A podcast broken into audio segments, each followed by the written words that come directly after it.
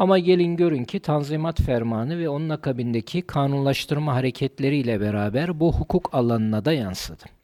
Peki bundan evvel hukuki yapı nasıldı diye soracak olursak Osmanlı geleneksel hukuki yapısında günümüzde işte şer'i hukuk ve örfi hukuk olarak ifade edilen yani özellikle e, özel hukuk alanında Hanefi mezhebinin ağırlıklı olduğu fıkıh hükümlerine dayalı düzenlemelere göre karar veriliyor.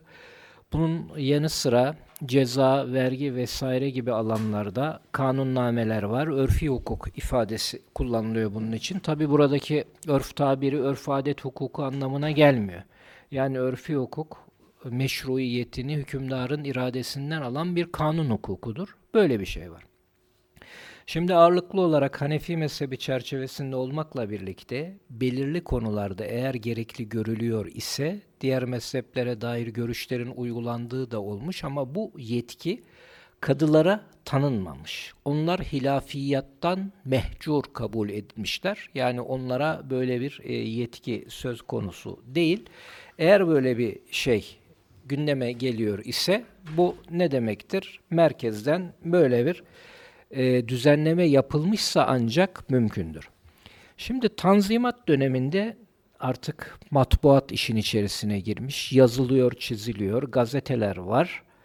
Bu konu eleştirilere de hedef olmuş. Mesela bazı kalemler şunu açıkça ifade ediyorlar ve popüler olarak kendilerinden o yerleşmiş kimliğiyle böyle bir şey beklenmeyen kalemlerden çıkıyor bunlar. Namık Kemal gibi, Ziya Paşa gibi bunlar diyorlar ki yapılan bu değişikliklerden sonra artık fıkıh ahkamı sadece mecelledeki hükümlerle hatta şeyin bir ifadesi var karı koca kavgasına münhasır kaldı diye aile hukukunu e, ifade etmek için kullanıyor. Bunun haricinde diğer alanları muktebes kanunlar tanzim ediyor. Ama diyorlar biz eğer bütün kanunlarımızı fıkha dayandırsaydık gayet güzel sonuçlar alırdık. Nasıl alacaksınız sorusuna da Ziya Paşa ile Namık Kemal'in verdikleri cevap biraz yani fıkıh kitaplarından ihtiyacı nasa, evfak ve erfak uygun olan ve toplumun ihtiyaçlarını karşılayan hükümler iltikat etmek böyle yapardık. Fakat bunların nasıl yapılacağına dair metodolojik olarak çok fazla bir şey bunlar söylemiyorlar. Bunları söyleyen biraz Ali Suavi'yi gündeme getirebiliriz. Yani onların içerisinde çünkü fıkıhla olan irtibatı biraz daha fazla Ali Suavi'nin. Tabi Ali Suavi e, belli bir ölçüde medrese dersleri dediğimiz dersleri okumuş. Arapçaya ve İslami ilimlere vukufiyeti var. Ama onun da bu görüşlerini sistemsiz bir sistemli bir halde hepsini bir arada bulamıyoruz. Mesela bu konuda ehemmiyet arz eden Yarım Fakih Din Yıkar diye bir makalesi var Ulum gazetesinde neşredilen. Gene e, Londra'da kendi bastırdığı 8 sayfalık bir risale Arabi İbare Usulü Fıkıh Nam Risale'nin tercümesi diye. Buralarda gündeme getirdiği şeyler şu. Diyor ki bizim mevcut usul fıkıhtaki kurallarla siz ibadet sahasını tanzim edebilirsiniz. Ama mesela diyor bir ilmi siyaseti siz oradaki naslardan dil kurallarıyla elde edilen hükümlerle tanzim edemezsiniz. Çünkü bunun dayandığı nedir? Ahlaktır, coğrafyadır, ekonomidir. Bunlardan hareketle bunu yapabilirsiniz. Peki bunlara nasıl fıkıh kültürü içerisinde nizam bulabilirsiniz? İşte o el-eşbah ve nezair dediğimiz literatürde dile getirilen, mecellenin o baş tarafında yer alan bir takım külli kaideler, esas diyor fıkhın bunlara dayandırılması gerekir. Bunların ne işe yaradığını biraz sonra ele almaya çalışacağız. Şimdi Tanzimat döneminde bunu aşan çok fazla bir tartışma, toplumda etki bırakmış bir tartışma göze çarpmıyor. Bu sahada da diğer sahalarda olduğu gibi neyi bekliyoruz? İkinci meşrutiyeti bekliyoruz. Çünkü öyle bir dönem ki yani 1908 ila 18 arasındaki o 10 senelik döneme tabiri caizse yüzyıllarca e, dönemdir yani devam eden tartışmalar bir anlamda sıkıştırılmış vaziyette ve bununla alakalı yayınlanan kitapları, süreli yayınlarda dile getirilen o görüşleri incelediğiniz zaman çok farklı noktalara dikkat çekildiğini, her ihtimalin değerlendirilmek istendiğini görüyorsunuz. Şimdi burada şöyle bir problem var. Akıp giden bir zemin var. Hayatın kendisine göre bir işleyişi var. Bir de bu işleyişi fıkhın çerçevesi içerisinde tutma gayreti içerisinde olanlar var. Bu psikolojiyi dikkate almadan biz o tartışmaları layıkıyla değerlendiremeyiz. Burası önem arz ediyor. Mesela mecellenin yenilenmesi gündemdedir ikinci meşrutiyet döneminde. Bu yenilenme ile alakalı heyette kimler olacak, hangi esaslar burada dikkate alınacak bunlar tartışılırken Ebu Lula Mardin o zaman Şeriata Hizmet Mecelle Cemiyeti diye Sırat-ı Mustakim'de yayınlanan bir makalesinde diyor ki bugün fıkıh adına yapabileceğimiz en büyük hizmet insanların yapa geldikleri ve yapacakları bazı muameleleri bu ifade çok önemli. Velev bir kavli zayıfe müpteni olsun. Şeriatla irtibatlandırabilmek yapabileceğimiz en büyük hizmettir diyor. Yani zeminin kayıp gittiğinin farkında. E, dolayısıyla önünde iki seçenek var. Ya bunu bir şekilde sisteme entegre edip evet olur ama biraz sağını solunu belki kontrol altına almaya çalışarak sel geliyor çünkü. Yani ya kontrol altına alacaksınız ya sizi ezecek. Veyahut olmaz demek hiçbir sıkıntı e, getirmez. E, o zaman insanlar ne yapacaklar? Kaygı hissetmeden bunu yapabilecekler o dönemdeki tartışmalarda özellikle e, işte riba ile alakalı konularda veya had cezalarının tatbikiyle ilgili konularda bunlarla ilgili yazıp çizilenlerde aynı şekilde zekat veya kurban paralarının donanmaya iane olarak verilmesiyle ilgili tartışmalarda hep bu pratik arka planı görüyorsunuz. Mesela hukuku aile kararnamesi yapılacak cevazın şer'i olup olmaması tartışılıyor. Neden tartışılıyor? Bir usul meselesi gibi görülüyor ilk etapta. Ama orada belirlediğiniz konuma göre o kararnameye teaddüdü zevcadı engelleyici bir madde koyabilecek misiniz, koyamayacak mısınız? Arka planında o var. Birbirinden bağımsız olan şeyler değil. Aynı şekilde şeriat ve kanunla alakalı tartışmalar var, diyanet ve kazayla ilgili tartışmalar var. Ama o tartışmaların yapıldığı dönemde İttihat ve Terakki'nin Şeyhülislam'ı kab e, kabinenin dışına çıkarma teşebbüsleri var. Yani bu teorik tartışmaları da o dönemin o yoğun siyasi atmosferinden e, bağımsız e, ele aldığımız zaman da biraz eksik kalıyor hadise. Şimdi usul alanındaki tartışmalarda tabi detaylara inildiğinde farklı tasnifler yapılabilir. Çok kabaca şunu söylesek yanlış olmaz diye düşünüyorum. İki ana eğilimden bahsedebiliriz. Bunların bir tanesi özellikle fıkıh nosyonu çok güçlü değil. Ama dönemin şartlarında işte içtimai ilimlerle e, hasbihal olmuş kişiler bunlar e, o kavramların fıkhi meselelerin izahında kullanılmasından yana en öne çıkanı, en popüler isim olarak da Ziya Gökalp burada gündeme geliyor.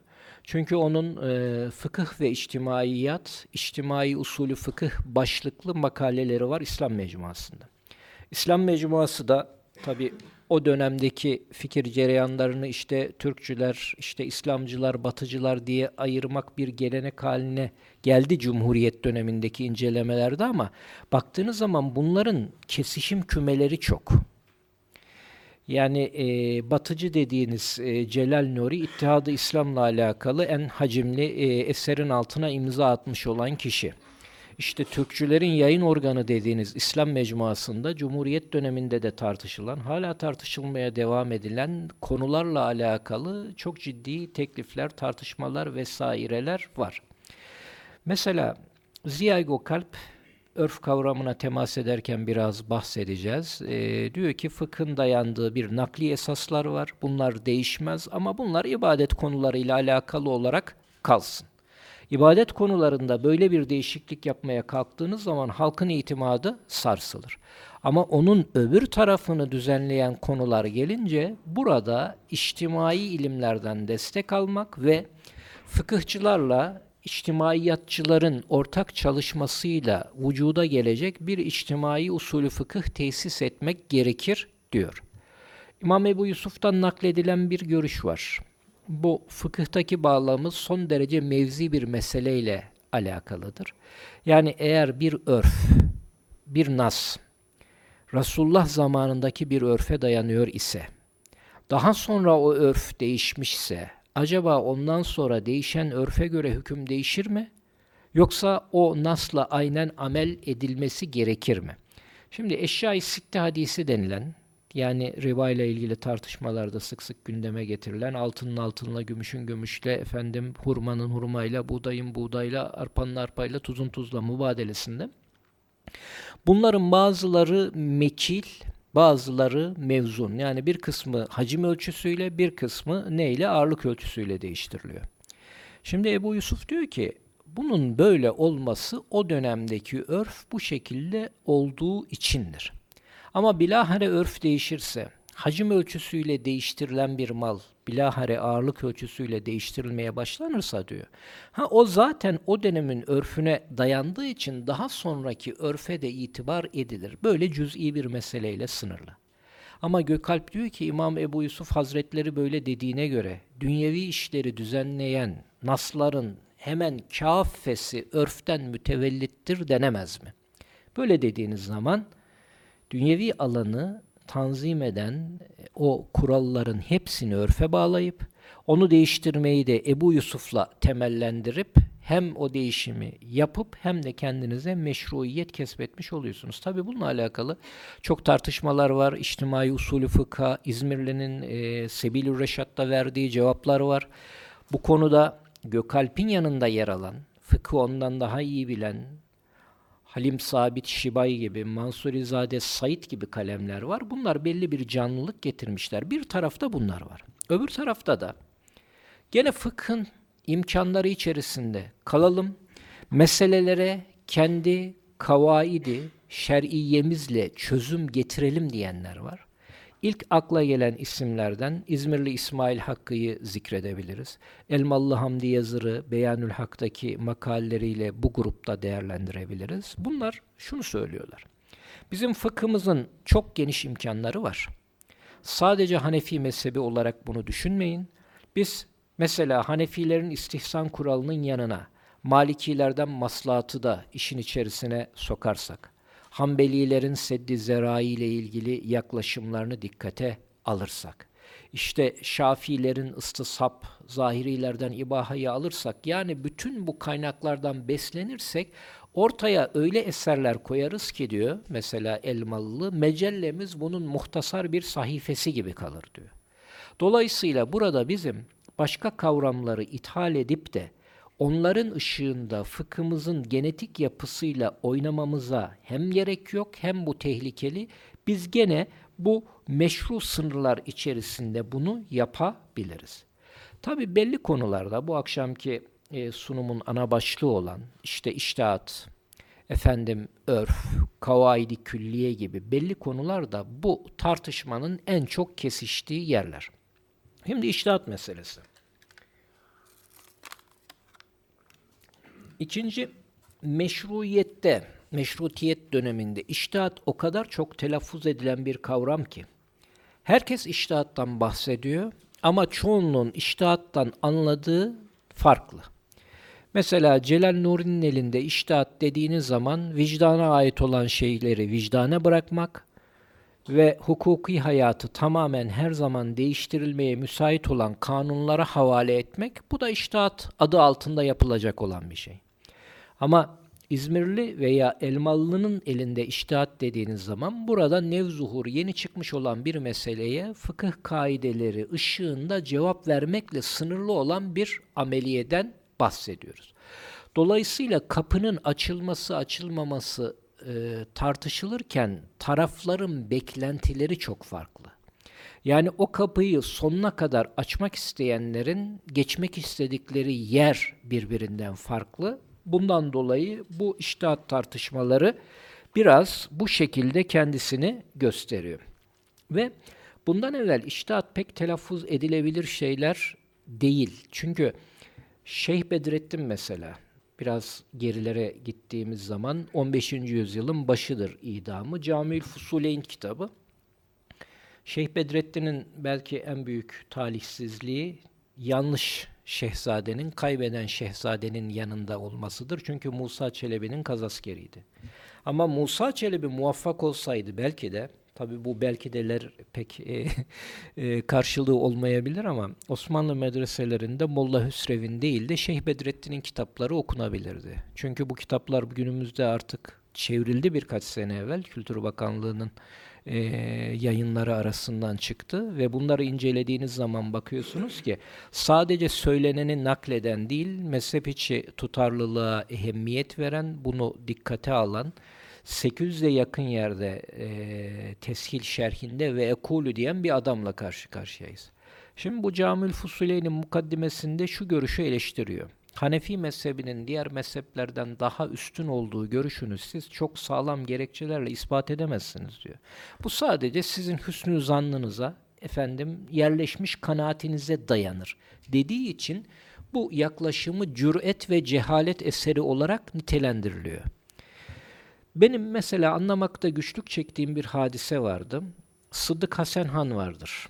Özellikle Şevkani'nin eserlerinin etkisinde kalmış olan bir müellif. Hindistan bölgesinde e, yaşamış. Buhara kökenli olmakla beraber orada şehir devletlerinden bir tanesinin melikesinin eşi ve eserlerini onun patronajında yazıyor. Bunun iki tane kitabı İstanbul'da basılmış ve Abdülmecit dönemine denk geliyor. Bunların bir tanesi Şevkani'nin El Kavlül Müfid diye iştihadı e, ön plana çıkaran taklidi zemmeden bir risalesini El İklid adında ihtisar etmiş. Biri bu, diğeri de e, gene Şevkani'nin İrşadül Fuhulünü özetlediği Husulül Me'mul. Şimdi muhteva itibariyle o zamanın Osmanlı ulemasının pek kabul edemeyeceği bu kitaplar buraya nasıl geldi ve bu tarihte nasıl basıldı? Daha sonra Zahid Kevseri'nin talakla ilgili konuları ele aldığı El İşfak fi Ahkamit Talak diye bir eseri var. Orada bu Sıddık Hasan Han'ı eleştirirken şöyle bir bilgi veriyor. Kırım Savaşı sırasında tabi savaşın işte Rusya'ya uzanan bir ayağı var. Onun Orta Asya tarafları var. Bu Sıddık Hasan Han'ın Orta Asya'daki nüfuzundan faydalanmak için Osmanlı Devleti bununla irtibata geçiyor. O da yardımcı olacağını söylüyor ama kendi kitaplarının İstanbul'da basılmasını istiyor mukabilinde. O zaman dedim yani bu kitaplar niye burada yazılmış? Çünkü yazılmış mesela Kastamonulu Ahmet Ziyaettin Evliyazade bu zatın bir şeyi vardır. Hulasatül Efkar Şerhu Muhtasaril Menar diye. O, o İbnül Halebi'nin Muhtasar Menarına yazdığı bir şer. Hanefi bir müellif, muhit Hanefi ama burada Husulül Me'mul'den alıntılar var. Muhtemelen İstanbul'da basıldığı için bu kitaptan sistemi bozmayacak bazı şeyleri almış. Bununla karşı karşıya kalıyoruz. Yani iştihadın bu kadar serbest gündeme gelmesi dediğimiz gibi meşrutiyet zamanını buldu. Tabi öncelikle mesut mudur değil midir? Şüpheyle bakıyor çünkü. Osmanlı uleması yani iştihattan bahsetmek e, bu o dönemin zihin yapısında açıkça telaffuz edilebilecek şeyler değil ve bu konuda daha cesur olanlar da şer'i eğitim almış olanlar da Halim Sabit gibi dışarıdan gelenler var. Yani kendi bulunduğu problemi yaşayan, işgal görmüş yerde kazanda bu iştihat ve yenilik düşünceleri biraz daha öncedir. Problemin olduğu yerde çünkü bu çıkar. Veya Mansurizade Said gibi her bakımdan biraz sıra dışı olanlar var. Ama o ilmiye sınıfın içerisinde kalanlar bu kadar cesur telaffuz edemiyor. Ondan sonra e, Halim Sabit bir makale yazıyor. Diyor ki Avrupa hukukunda diyor iştihat kapısı kapalı filan değil diyor. Eğer bizim ulemamız iştihat etmekten çekiniyorsa Biz Avrupa'dan diyor İslam fıkhını da bilen bir tane hukukçu çağıralım. Meseleleri ona arz edelim. İştihatı o yapsın. Dolayısıyla iştahat etmekten çekinen ulema da böylece günaha girmemiş olur şeklinde bunları ciddi anlamda istihza konusu yapan e, makaleleri de var. Sırat-ı Mustakim'de yayınlanmış. Şimdi iştihat derken dediğim gibi bir tarafta neredeyse din hukuk ayrılığını iştihat adı altında teklif edenler var. Muhafazakar kanattan buna yaklaşanlar da şunu söylüyorlar. Çünkü Manastırlı İsmail Hakkı'nın bunu e, destekleyen yazıları var. Daha sonraki dönemde Ahmet Şirani'nin yazdıklarıyla karşı karşıya kalıyoruz. Bugün gelen müştehit diyorlar fıkı yeniden icat edecek değil. Ama ne yapacak? Nevzuhur pek çok yeni meseleler var. Ve bunların fıkıh mantalitesi içerisinde bir yere oturtulması, çözülmesi gerekiyor. Dolayısıyla bunu yapacak umumi anlamda geçmiş birikimi sıfırlayan değil ama yeni meselelerin önünü açacak iştihada ihtiyacımız var diyorlar. Şimdi peki netice itibariyle ne yapıldı, ne oldu? Ee, şunu söyleyebiliriz. Yani iştihat bunlar söylendi, söylendi, söylendi. Hayata aksayan yönü nedir dersek, hukuk aile kararnamesi tanzim edilirken bazı meselelerde diğer mezheplerin görüşlerinin alınması, bazılarında da görüşleri mezhepleşmemiş bir takım müştehitlerin kavillerinden alıntı yapılması bunda münhasır kaldı. Şimdi diğer bir başlığımız e, örf meselesi. Örfün fıkıhtaki hattı hareketinin çok ilgi çekici bir özelliği var. Klasik usul sistematiğine bakarsanız örfün çok sağlam bir yerini orada göremezsiniz. Ama furu fıkhın ve fetvanın işleyişine bakarsanız örf orada son derece faaldir. Tabi burada usulün biraz edille-i şer'iyeyi dörtle sınırlayıp reye bir çerçeve belirleyici refleksi önemli. Zira bu iştihatlar yapılıp sistem konduktan sonra usul kökleşti. Orada bir e, anlamda sınırlandırıcı ve frenleyici bir işlev var. Şimdi edille-i şeriye dört olunca diğer şer'i deliller de bu dört delilden biriyle irtibatlandırılmak durumunda. Mesela Hanefilerin en baş delili yani en aktif kullandıkları delil istihsandır. Ama onu meşrulaştırmak için kıyasın altına alıp kıyası hafi şeklinde o dörtle irtibatlandırmak durumunda kaldılar. Aynı şekilde sahabi kavli ve şer-u men kablena'nın sünnetle irtibatlandırılması söz konusu. Örfe de biraz icma ile irtibatlandırmak suretiyle bir yer vermeye çalışıyorlar ve klasik usul sistematiğinde pek örfün yeri yoktur. Yani bugün Zeydan'ın vecizinde veya Zeküddin Şaban'ın usulünde olduğu gibi açtığımızda aa kitap sünnet icmanın peşine hemen böyle istihsan, örf, maslat bunlar yani klasik usulde o kıyastan sonrası ya merdut ya da muhtelefun fih denilen deliller içerisindedir. Öyle bir delil hiyerarşisi yoktu orada. Ve örfün yani ya usul kitaplarının mukaddimesinde işte edilliği şeriye dörttür. E bunlar ne olacak? Bunlar da buna racidir şeklinde bir atfı söz konusu. Veya işte Nesefi'nin Keşfül Esrar'ı Menar Şerhi'nin sonunda yaptığı ve Menar muhtasarlarında devam ettiği gibi kitabın en sonunda örf ve adet tanımlarının verilmesi söz konusu.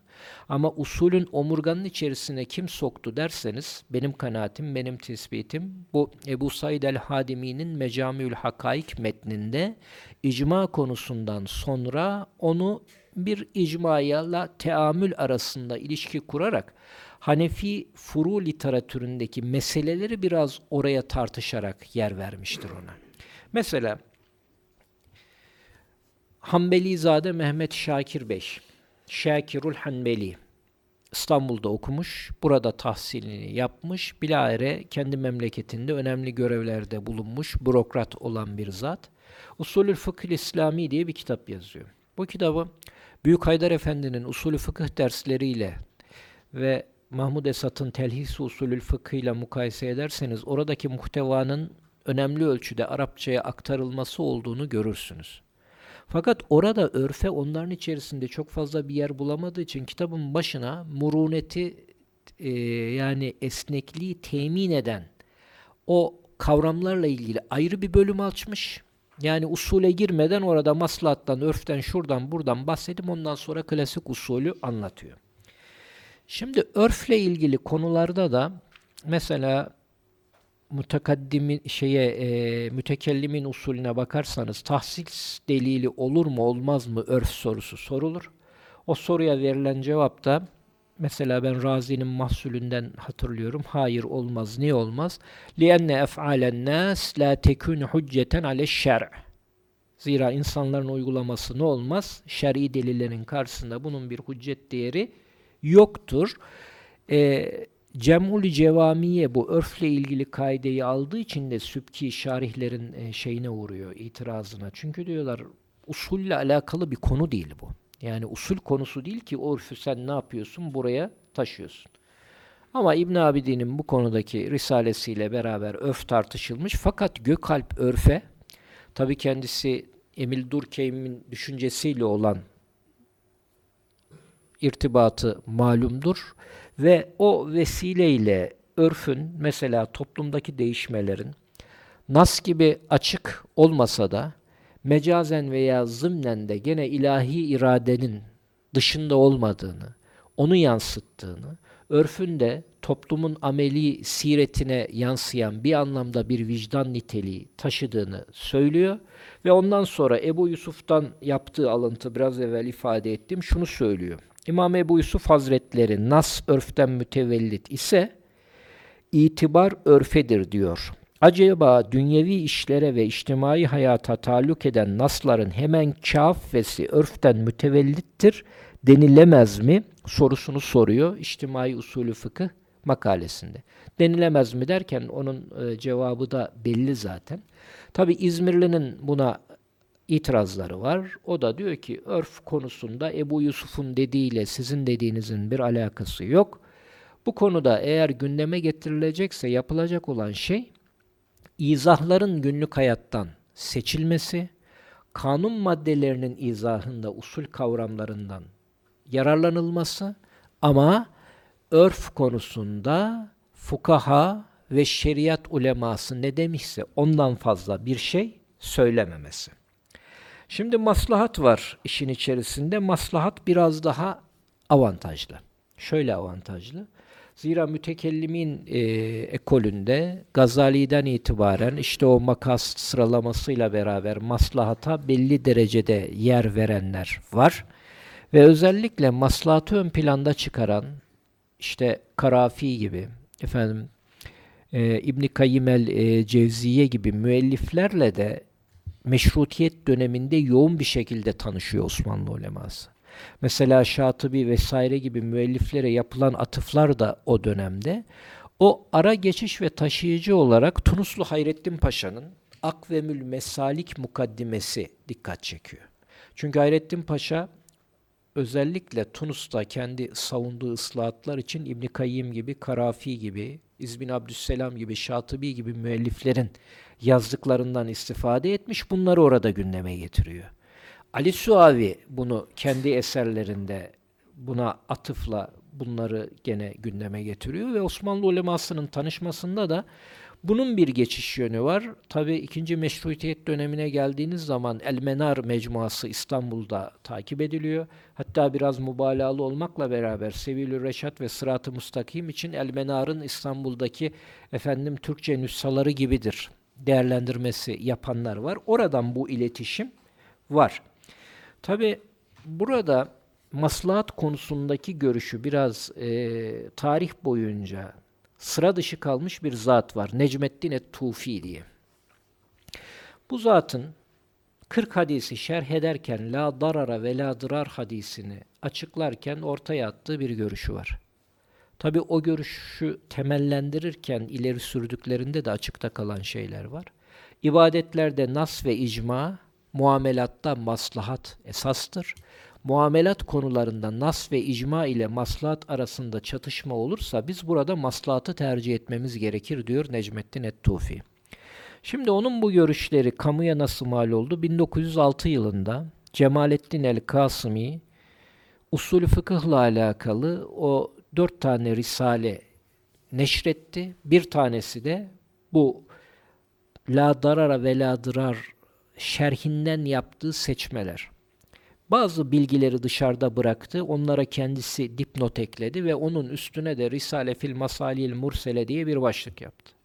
Fakat o dönemde o değişimi temellendirmek için arayış içerisinde olan ulemanın buna müthiş bir şekilde sarıldığını görüyoruz. Bu İstanbul'da da aynı ilgiyi gördü. Bir sene sonra Reşit Rıza o kısmı Menar Mecmuası'nda tekrar yayınladı.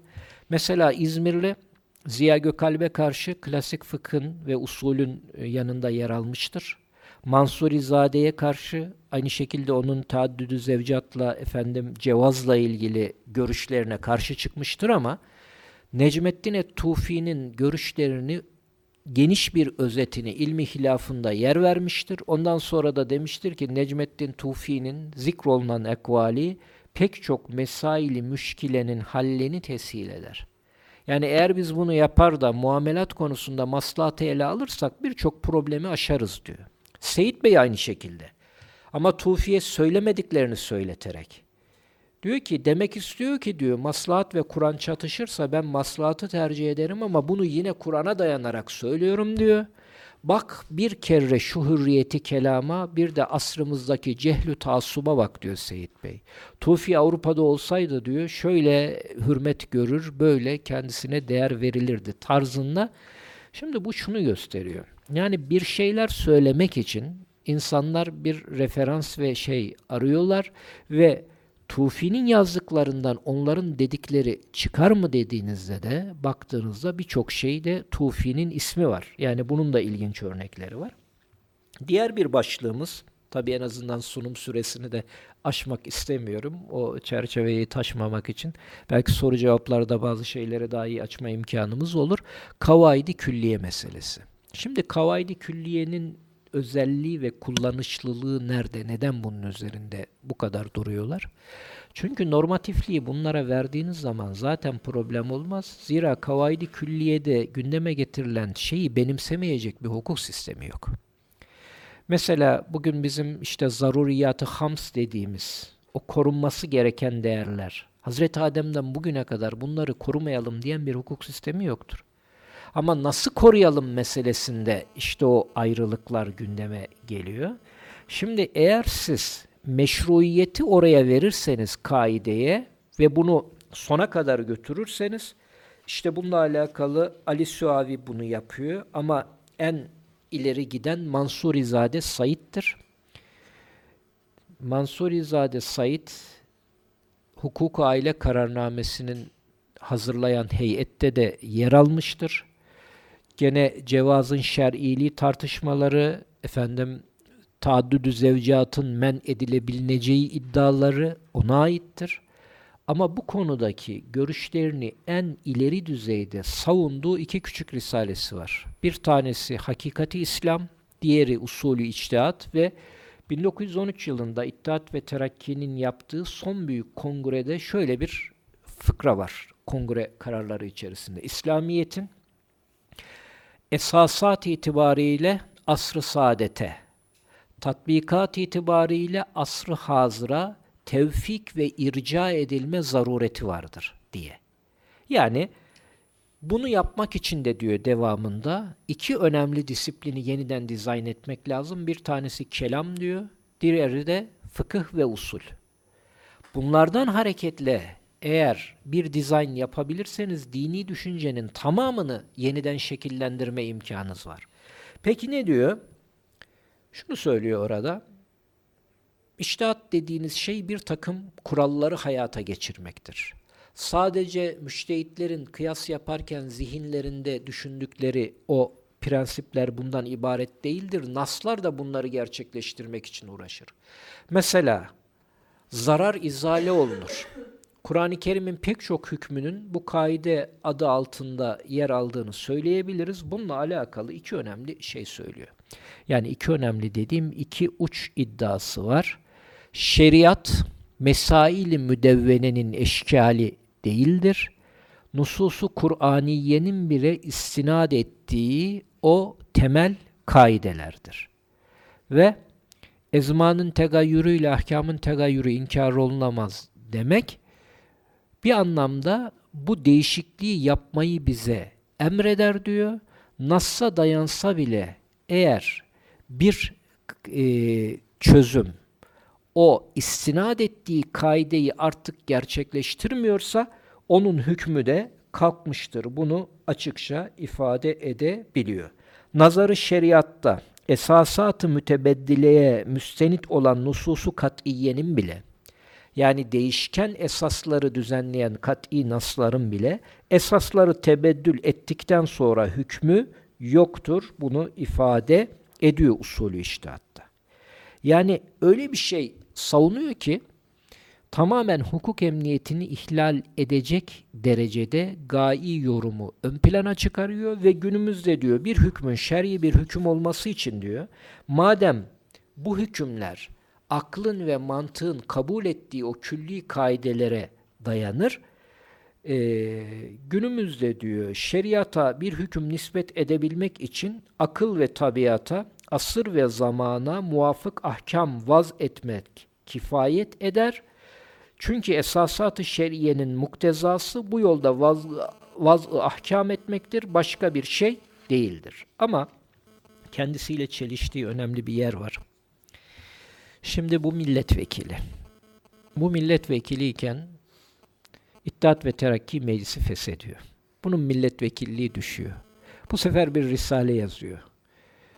Ee, o risalede e, diyor ki meşrut e, şeyle alakalı meşrutiyetin muhafazası meclisi mesdudun iadesi ile kaimdir. Yeniden açılması gerekir. Şimdi burada şunu söylüyor. Naslar söz konusu olduğunda önemli olanın onların arka planındaki ilkeler olduğunu söyleyen Mansurizade diyor ki kanunlar ahkamına riayet olunmak ve onun hilafına her türlü iştihadat ve mutalaat mesmu olmamak üzere vaz olunur. Bunun için Mevrid-i Nas'ta iştihada mesa yoktur, kaide-i esasiyesi vaz olunmuştur. Yoksa saraati kanuniye karşısında yine rey ve iştihad ile amel olunursa vaz-ı kavaninden ne hasıl olur?'' Tefsir esasen mevcut olan hükmü hafiden izaleyi hafa etmek demektir. Bir maddeyi kanuniyeyi tefsir etmek, onda mevdu olan hükmü hafiyi ishar etmektir. Yeniden bir hükmü kanuni ihdas etmek değildir. Çünkü bu surette tefsir olmaz, teşri olur bir kanuni cedid vaz edilmiş olur. Ama yani gayi yoruma orada yer vermiyor.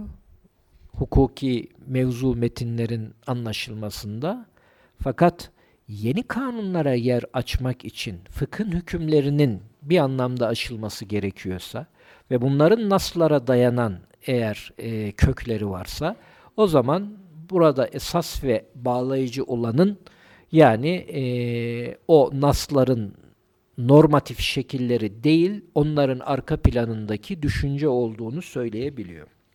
Şimdi bununla alakalı tabi feri alanda yaşayan meseleler var. Ve burada gördüğümüz hususlar da daha sonra İslam dünyasında hala tartışılmaya devam ediliyor. Yalnız hala bu düzeye e, ulaştığını yani bazı yerlerde tartışmaların e, söylemek zor. Mesela Mansurizade bunları e, yazıp çizdiği dönemlerde Fazlur Rahman henüz doğmamıştı. 1917'dir doğumu onun. Bir de tabi bu çabaların işte Arap coğrafyasında da e, Muhammed Abdüh ve talebelerinde Reşit Rıza'da karşılıkları var. Mesela Batılıların şöyle eleştirileri var. Bunların yapmak istedikleriyle ne yaptılar? İşte maslahata, örfe, klasik usulün tanımadığı kadar ne yaptılar? Rol verdiler. Doğru. Bunlar yaptıkları hareketle klasik fıkhın mesela aile hukukunda erkek egemenliğinde olan, erkek tarafından akraba olan asabeye üstünlük tanıyan bir sistemi vardı. O sistem bozuldu. O da doğru. İşte şunu yaptılar, bunu yaptılar velhasıl yaptıkları bu bakımdan meşruiyete haiz değildi. Bu eleştirileri getiriyorlar. Şimdi dışarıdan bakılınca bunu söylemek mümkün. Çünkü bir diğeri için sadece bir düşüncede tutarlılığın e, tespiti veya e, eleştirilmesi söz konusu. Ama orada şunu söylemek lazım. Bu adamlar bunları yaptıkları için bu gelişmeler yaşanmadı. Bu gelişmeler yaşandı ve fiilen akan bir hayat olduğu için onlar bunu yapmak durumunda kaldılar. Diş macunu tüpten çıktı. Onu ona eskisi gibi sokmak mümkün değil. Ve hala bunun sıkıntısını yaşıyoruz. Yani yaşadığımız e, sadme öyle bir şey ki çok hoşuma giden bir şey var. Bize bir kamyon çarptı plakasını bile alamadık diyor. Yani e, darmadağın olduk hala toparlanmak için uğraşıyoruz. Ama yapılacak bir takım şeyler var. Ne yapacaksın? Bunların hiçbiri meşru değildir. Biz hala işte hidayede ne yazıyorsa odur dediğimiz zaman oluşturduğunuz getto söylemle tutarlı bir şekilde yaşayabiliyor mu? Belki bunu sormak lazım.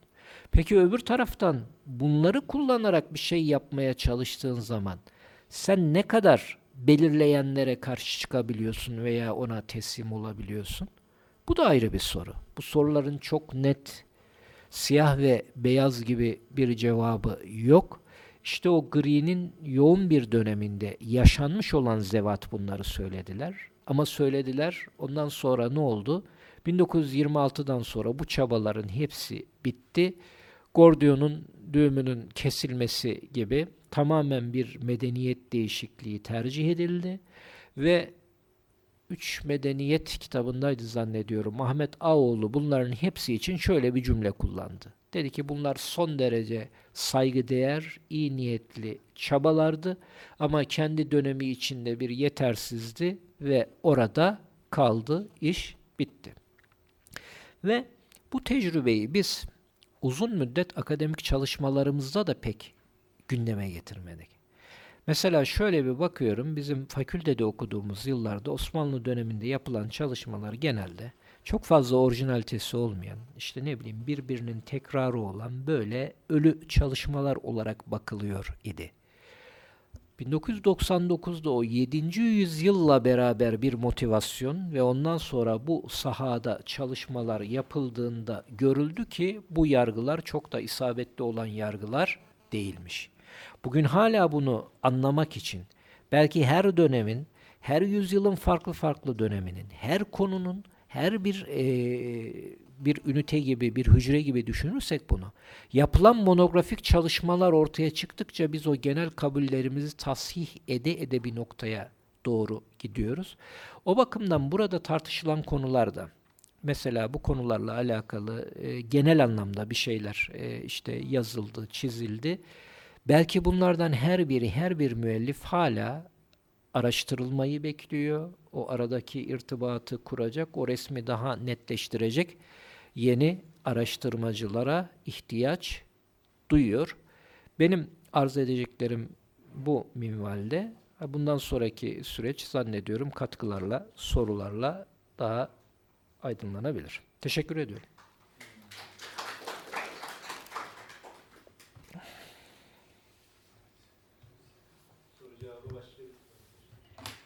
Buyurun.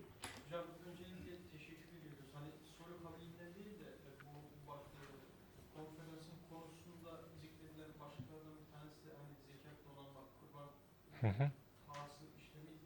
Hani Başlıkta var mıydı? Söyleyeyim. Şimdi bu tabi e, Balkan Savaşı sırasında gündeme gelen sıcak bir gelişme. Bununla alakalı olarak da e, Filibeli Ahmet Hilmi'nin Hikmet Mecmuası'nda bir anlamda çağrı buradan geliyor. Orada e, alay müftüsü Fahrettin imzalı e, yazılar var. Ve Müftü Fahrettin bunu bu zannediyorum Safahat'ta Akif'in Yarı Canım Hoca Fahrettin'e diye bir şiir atfettiği zat e, olsa gerek. Sırat-ı Mustakim'de de yazıları var çünkü. Mesela fıkıh kitaplarındaki o hac ve kurbanla işte zekatla sorumlu olmak için haceti asliye kavramlarını ifade eden ibareleri alıyor. Vatandan daha büyük haceti asliye olmaz diyor. Dolayısıyla bu sene hacca gitmeyelim, kurban kesmeyelim, bu paraları donanmaya verelim şeklinde. Bu taraftan e, Beyanül Hak mecmuasında buna tepki doğuyor. Elmalı'nın ve Mustafa Sabri'nin orada yazıları var. Onlar da kaş yaparken göz çıkarmayalım, donanmamızı ipka ederken dinimizi yıkmayalım tarzında e, bazı şeyler söylüyorlar. Hatta tartışmalar o kadar şey olmuş ki Hikmet Mecmuası'nın bir fevkalade nüshası var. Yani o, şey olmadan arada e, getirdiği. Ve bununla alakalı işte Şeyhülislamlıktan fetva isteniyor. Onların da verdiği cevap donanmaya yardım yapmak isteyen, bunu zekat yapmak isteyen kişi iane sandığının yanına bir fakir oturtulur. O fakire bu para nisap miktarı olmayacak şekilde verilir fakirlikten çıkmasın diye. Fakir bunu donanmaya yaptıktan sonra bu devam eder. Yani gülmeyin arkadaşlar bu çok e, o dönemde tavsiye edilen ve halen daha yani zekat paralarıyla bu yolu kullanarak Kur'an kursu inşa edenler var temlik şartını e, aşmak için. Hala kullanılan kullanışlı bir formül. Ve o sıcak ortam içerisinde e, kalmış olan bir husus. Mesela ben bu konunun da hala çalışılması gerektiği kanaatindeyim.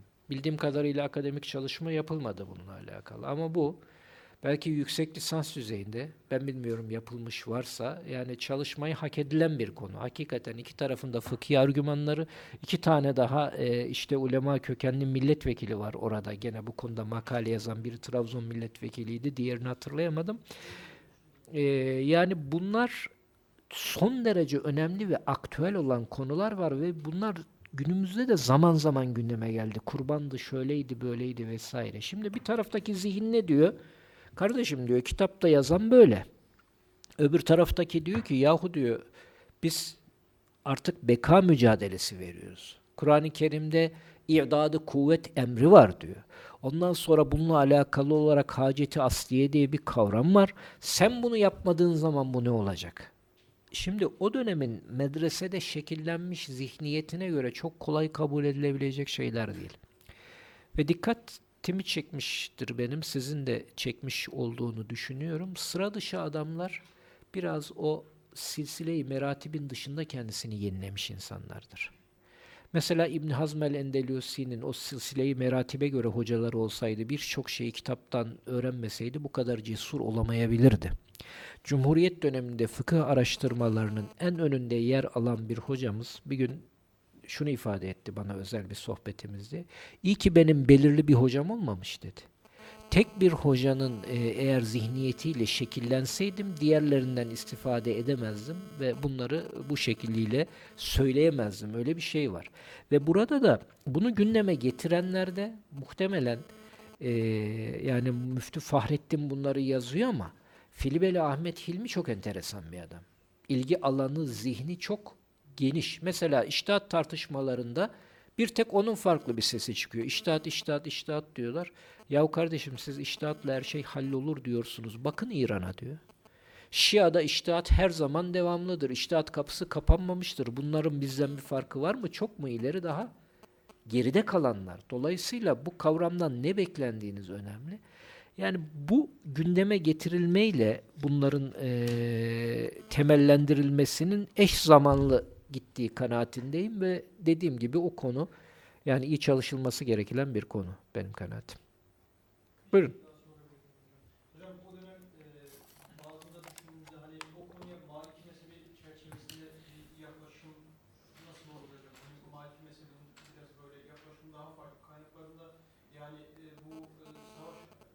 Hı hı. cihat amaçlı gemilerin inşasının fi kapsamında değerlendirilebileceği zikrediliyor bazı kaynaklarda. Bir de ha, e, Elmalı makalesi mesela bu değerin karşı çıkarken e, tefsirinde galiba e, hani fi sebillah kapsamını biraz daha böyle en, esnetiyor. Hani bu e, o ayeti zikrederek hani bu kapsamda temlikin biraz daha esnetilebileceğine dair bir söylem var sanki.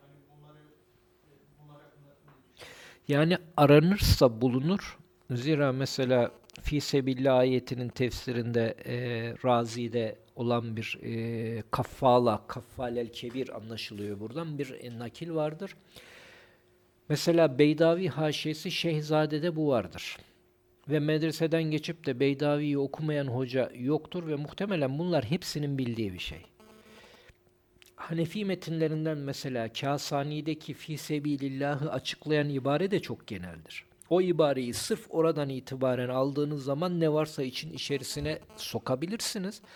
Ama tabii bir de biz şimdi bu açıdan bakıyoruz. O dönemin birebir yaşamadığımız için acaba burada karşı cephede yer alanlar, bunlar bugün zekattan bahsedip burada bir gedik açmak istiyorlar. Bunlar falancalarla irtibatı var. Acaba yarın da bunu getirirler diye bir endişe taşıyor da olabilirler burada. Yani biz bu açıdan baktığımızda ona bakarsanız fi sevilillah kavramı doğrudan savunma harcamalarıyla ilişkilidir. İlk dönem e, müelliflerinin görüşlerine bakarsanız. Bakara suresindeki ayet-i kerimede de ve enfiku fi sebilillahi ve la tulgu bi eydikum ile tehlike. Yani savunma harcamalarını kısmayın. Aksi takdirde kendi güvenliğinizi tehlikeye atmış olursunuz. Tamamen bu bağlamdadır. Yani onlar da söylenebilirdi, yapılabilirdi. Mesela bu konuda Aydini e, gene 17. yüzyılın e, sonu e, bunun farklı mezheplerin taklidiyle alakalı bir e, risalesi var. E,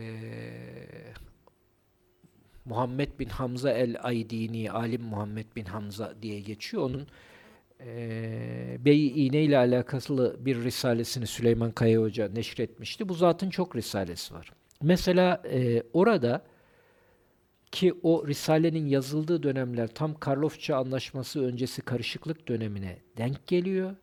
İnsanların topraklarına çökmek için borçlu olanlara talak yemini yaptırıldığından bahsediyor ve ikrahla yaptırılan talakın Şafii mezhebinde geçerli olmadığını, dolayısıyla bu görüşle amel edilmesinde de bir problem olmadığını, hatta Begavi'nin tefsirinden filan nakiller veriyor. Yani ulemaya demek istiyor ki, Osmanlı ulemasının çok e, müracaat ettiği kitaplardan bir tanesidir Begavi'nin tefsiri.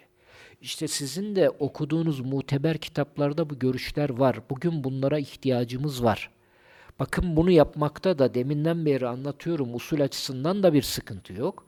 Dolayısıyla bunu yapalım. Yani aransa oralarda yol bulabilirdi. Burada söylenenden ziyade söyleyenlerin kimliği ve safı da bu tartışmalara etki etmiş olabilir kanaatindeyim ben. Ben teşekkür ediyorum. Buyurun.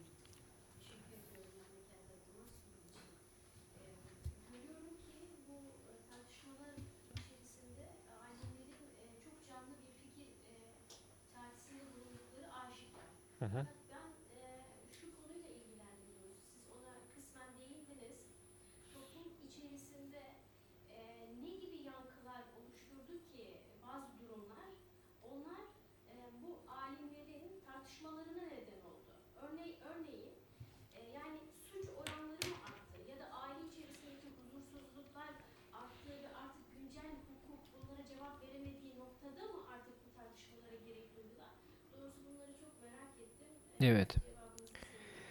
Şimdi benim kanaatim tabi bu konuda size çok netler, e, net şeyler söyleyebilecek e, şeye sahip değilim. Yani o bilgilere. Çünkü o dönemde aile durumu neydi, ne değildi çok net olarak is, e, ispat edilebilir mi onu da bilemiyorum. Çünkü şöyle bir şey var. Baktığınız zaman her belli bir görüşü savunan kişi kendi görüşüne basamak teşkil etmek için öyle bir e, şey çiziyor. Mesela Celal Nuri'nin Kadınlarımız diye bir kitabı var. Onu okuduğunuz zaman dersiniz ki aile tamamen bitmiş, işte kadınların hiçbir güvencesi kalmamış, kocaları bunları kapı dışarı ediyor. Onunla alakalı olarak bizim acil bir hukuki düzenleme yapmamız gerekir.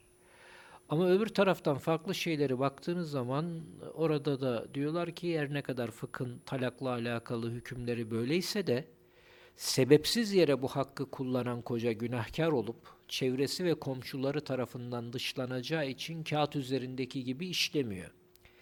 Şimdi burada şöyle bir fiili durum var. Bir defa hukuki anlamda Avrupa kanunlarının benimsenmesi yoluna girilmiş. Bu yoldan geri dönülmesi çok zor. Artık bu mümkün değil. Bu yaşanacak. Yaşanırken nereden müdahale edip nereye yönlendirebiliriz böyle bir mesele var. Dolayısıyla daha radikal çözümler isteyenler tabloyu daha iç karartıcı bir şekilde ortaya koyuyorlar. Mesela ciddi anlamda Hanefi fıkhından ayrılıklar söz konusu. Evlenmede bir yaş sınırlaması getirilmiş. Çünkü fıkhen normalde nikah akdinin e, veli tarafından kıyılabildiğini düşünürseniz böyle bir yaş sınırlaması yok. Ama evlendiren eğer baba veya dede değilse kişilerin ergenlik çağına geldikten sonra bu evliliği reddetme hakkı var. Fakat baba ve dede eğer hüsnü ihtiyar ile me'luf değilse, isabetsiz seçimler yapan kişilerse o zaman onların bu yaptığı akit sorgulanabiliyor. Şimdi böyle bir durum var. Fakat burada dört mezhebinde dışına çıkıldı. İbni Şübrüme ve Ebu Bekir el-Esam gibi zevata referans verildi.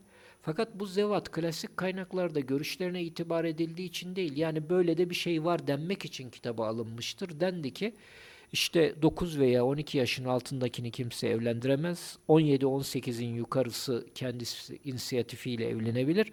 Ha 15'e gelip de evlenmek isteyenler varsa velinin tarabiyle hakim bunu ne yapar? Ee, şey yapar. Yani kontrol eder.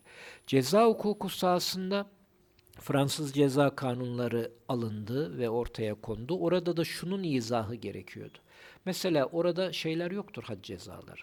En baş tarafta da şu konmuştur. Bu tazir kapsamında yapılan bir ceza düzenlemesidir. Dolayısıyla had cezalarının bu ilgası anlamını taşımaz. Tazir kapsamında böyle bir kanun çıkarmak da zaten şeyin yetkisindedir. Veliül emrin yetkisindedir. Bu mesaj verilmeye çalışıldı. Ve İslam dünyasında bu devam etti. Pakistan Ceza Kanunu şu anda meriyette olan onun başında da aynısı yazar. Bu tazir kapsamındadır diye. Had ile ilgili hususlar kanun metnine alınmamıştır. Çünkü fiiliyatta uygulanmıyor. Niye? Çünkü öyle zor şartlara bağlanmıştır ki fıkıhta. Bunu o kadiler, uygulayıcılar bir şekilde onu iskat edecek oradan bir şey buluyorlar. Dolayısıyla zaten tazir cezası kapsamında da bu ifade ediliyor. Tabi bunların toplumda birebir karşılığı neydi?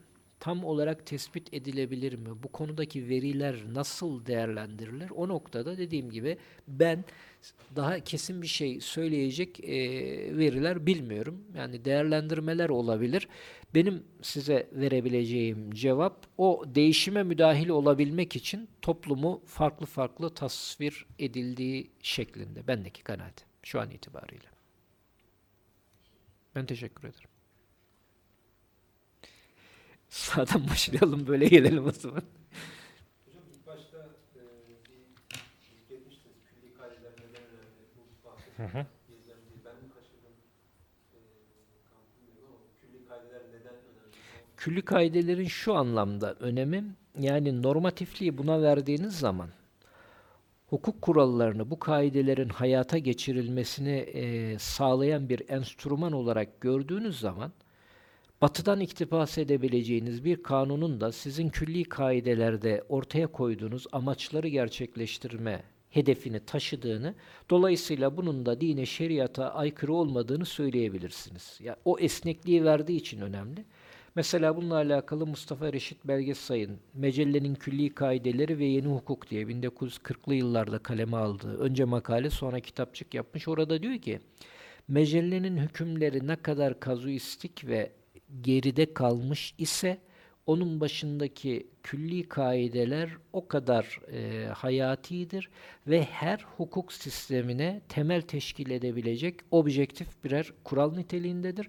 Ben bunları diyor, şu ayetten gelmiş, bu hadisten gelmiş, onları dikkate almadan diyor, objektif bir varlık olarak inceleyip mevzu kanunlarımız açısından yorumlayacağım.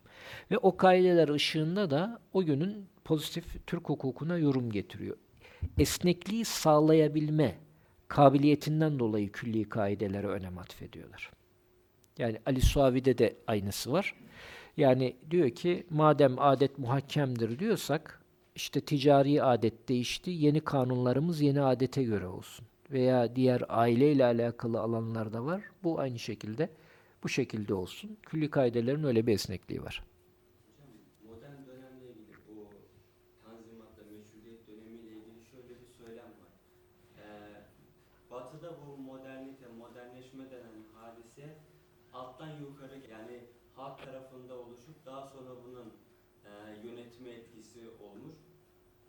İslam coğrafyasında ve özellikle Osmanlı coğrafyasında tepeden inme bir modernleşme söz konusudur diyor. Bir şey? Yani vaka e, baktığın zaman biraz öyle. Ama e, şöyle bir şey var. Şimdi e, otobanda hani bir üst sınır olduğu gibi bir de alt sınır var değil mi? Kaçtan aşağı gidemiyorsun. Gidip de orada 20 kilometreyle seni e, seyrettirmezler. Yani inemeyeceğin de bir sınır var. Sen şimdi ben kendi halimde gayet mutluyum vesaire filan diyorsun ama seyrettiğin yolda öyle bir hadise olmuş ki kendi kendine kalabilme imkanın yok, kalmamış elinde. Yani öyle bir e, şey var ki onun dışında kalmak gibi bir e, durumun söz konusu değil. Biraz öyle. Cumhuriyette de aynısı oldu. Tamamen tepeden inme olarak gelmiştir ve e, hukuki değişim toplumun tamamını değiştirmek için bir araç olarak kullanılmıştır. Şey böyle ama tabii batıdaki süreç nasıldır, tamamı mı öyle, hepsi mi öyle oldu, onun tabii farklı yorumları, değerlendirmeleri yapılabilir. Yani bizdeki açıdan ifade edildiğinde yani öyle gelişti tabii. Bu saydığımız işte örf, içtihat, bunlar klasik dönemde bu kadar yoğun tartışılmazken modern dönemde bu kadar Çünkü şey fazla, yani e, değişim fazla her bakımdan. Şimdi şunu da söyleyenler var. İnsanlığın başından 19. yüzyıla kadar yaşanan değişimle 19. yüzyılla 20. yüzyıl arasındaki değişimi şöyle bir kıyasladığı zaman insan çok farklı. Merhum Erol Güngör'ün çok sevdiğim bir sözü vardı. Ee, İslam'ın bugünkü meseleleri kitabında İslam hukukundan bahsederken hayatı yapanlarla hukuku yapanların aynı insanlar olduğu dönemde İslam dünyasında bir hukuk buhranı yaşanmadı diyor.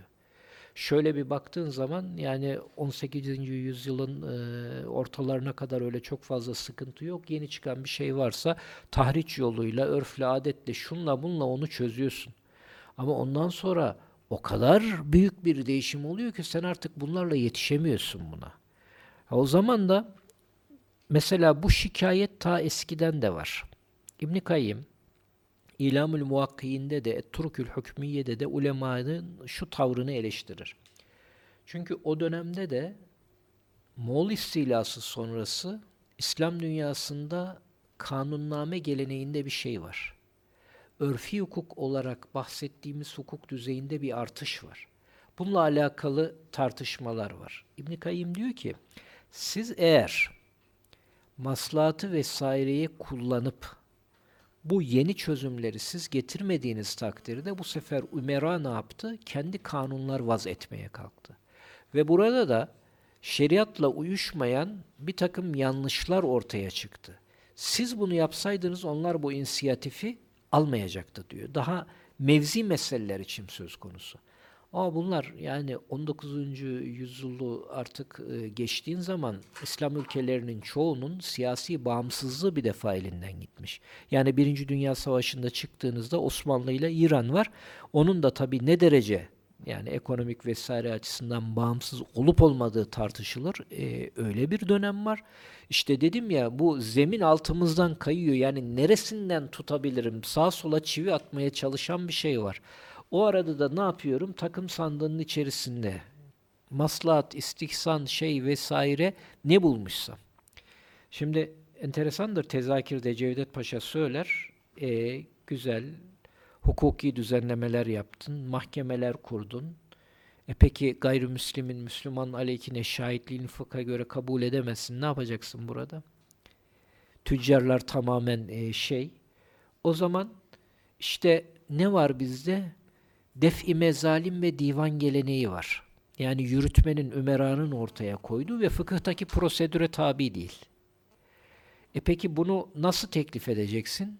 Celaleddin Devvani'nin Def-i Mezalim'le ilgili bir risalesini Farsçadan tercüme ediyor ve ondan sonra da bunun tercümesini bir nutuk olarak irad ediyor. Ondan sonra da diyor ki Celaleddin Devvani gibi ilmi takvası müsellem olan bir zat bunu dedikten sonra buna karşı çıkacak olanların mahzallah küfründen bile korkulur. Bu tarza bir ifadeye yer veriyor da. Yani e, bu o, çok ehemmiyetli bir hadise. Ve o zaman diyor ki o kadar çok bastırdıkları için bazı düzenlemeler müphem bir surette kaleme alınır. Ehli İslam'a ayrı, ecnebilere ayrı tefsir edilirdi diyor. Yani bir konuda sıkıştırıyorlar, sen de bir şey yazıyorsun, bir irade vesaire filan. O yüzden bizim hukuk dilimiz çok muğlaktır, özellikle idare hukuku. Öyle bir şey yazarlar ki, yani inisiyatif tanımak için şöyle de böyle de okunabilecek şekilde ta oradan gelen belki bir gelenek bu. Yani bunu yapmak durumunda olan kişiler vardı. Şimdi herhangi bir e, mesuliyeti vesaire olmayan bir insanın teorik konuda değerlendirme yapması, tenkit etmesi kolaydır. Verilen cevapları eleştirmek de kolaydır. Şunun şurasında, bunun burasında şey var. Ama bugün bir insan vatandaşın sorduğu, Türkiye'de tabi hukuki düzen ayrı bir şey ama diyelim diyani sahada belli bir konuda dini fıkhi hükümlerle muhatap olup bir cevap vermek durumunda kaldığınız zaman var ya, o zaman insan anlıyor işte dışarıdaki o, o, o ne kadar rahat e, eleştirilen tavırlara neden gerek duyulduğunu, ne yapılması gerektiğini, hiç aklınıza hayalinize gelmeyen şeyler önünüze şak, dilekçe ve soru olarak geliyor işte. Ne yaparsan yapacaksın orada.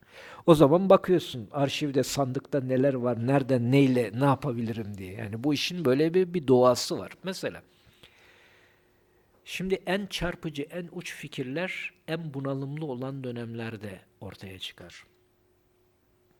İlhanlılar biliyoruz. Moğol istilası geldi geçti. Onlar Müslüman oldular. Onların Müslümanlığında bir Ahmet Teküdar tecrübesi var ama Gazan Mahmut Han'dan sonra devamlı olarak gelmiştir. Gazan Han Müslüman oluyor. Moğollarda bir adet var yalnız. Bir hükümdar öldüğü zaman onun oğlu babasının isterse diğer eşleriyle de evlenebiliyor kendi annesi haricinde.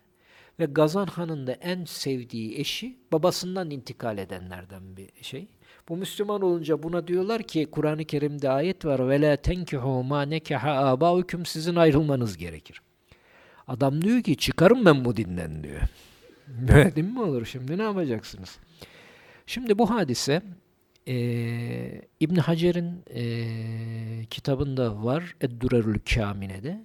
Şevkani de El-Bedrut Tali'de bunu almış ama Şevkani ondan sonra biraz fıkhi değerlendirmeler yapıyor. Onun yanında bir adam var. Adamın ismini zikretmiyorlar. Belki bilindiği halde zikretmiyorlar belki bilinmiyor onu bilmiyorum. Adam diyor ki inne ebeke kâne kafiran diyor. Senin baban zaten kafirin tekiydi diyor. Dolayısıyla bu kadınla olan şey de muteber bir nikah gibi sayılmaz. Biz bunu gayrimeşru bir ilişki gibi değerlendirelim. Size İslam'a göre yeniden bir nikah kıyalım. Ondan sonra bu şekilde devam edin diye. Şimdi Şevkani istihsanı filan pek makbul tutmaz. Ama El Bedrut Tali'deki ifadesi şöyledir. İstahsene zâlike li maslahatin diyor. Adam bu cevabı bu maslahattan dolayı şey yaptı ve diyor o gün İslam dünyasının yarısını bil fiil intik iştikali altında tutan bir adamın irtidat etmesindense diyor. Böyle yüz tane kadınla şaibeli bir ilişki yaşaması çok daha ehven olan bir şeydir. Allah o fetvayı veren adamdan razı olsun diyor. Şimdi bugün bu esneklikle biz böyle cevap vermeye kalkamayız bile. Yani kalksak şöyle böyle olur diyemeyeceğim. Fakat orada o adam kimse hemen o bağlantıyı kurup böyle bir cevap vermiş. Şimdi fıkhın da böyle pratikle şeyi vardır arkadaşlar. O bakımdan burada pratik e, yani öncedir teori biraz onu bir yere oturtmaya çalışıyor. Yani tedvin de öyle oldu. İşte usulün dedim ya o çerçeve veren şeyi. O yüzden örf konusunda filan biraz uzmaz. Ama usul ne der? Çok da ileri gitmeyin. Ha bakın şey burada çok fazla kenarda gezmeyin der. O bakımdan bir üst referans sistemi belki onaylama sistemi işlevi görmüştür usul burada. Zaten 20. yüzyılda usule doğrudan çözüm üreten bir metodoloji beklentisi olduğu için şimdi hala tartışmalar yaşanıyor. İşin böyle bir şey var. Yani o bakımdan o pratik kaygısı fıkhın olmazsa olmazıdır. Dediğim gibi oradaki çözümleri bulabilmek. Mesela bizim bu yaptığımız eleştiriler, efendim maslahat örf öyleydi. E, muhtemelen onu gündeme getiren zevatın da ben bunları bilmediği kanaatinde değilim. Bunu bilemeyecek adamlar değil bunlar. Yani bu bağlantıyı kurabilenler çok zeki adamlar. Murabaha nizamnamesi var. %9'da 12'den faizden bahsediyorsun. Ya beyi ne yapacaksın? Ziraat Bankası'nın nizamnamesinde olduğu gibi gişede bir şey bulundurup e, Fetavai Ali Efendi kitabı para yatıranlarla bir devir muamelesi yapacaksın. Veya Mansurizade'nin dediği gibi paranın satışıyla icaresi arasında bir ayrım yapmaya çalışacaksın. Yani bunlar ne dediklerini, niçin dediklerini bilmeyen insanlar değildi. Ama şimdi bizim burada şöyle bir rahatlığımız var. Pratikte bir şey yapmak zorunda değiliz. O yüzden teorikte birçok şeyi yapıyoruz. Bize deseler ki bütün hukuk sistemini size teslim ettik. Hadi yürütün bakalım. Sen o zaman gör neler çıkar. Çıkmak zorunda olur.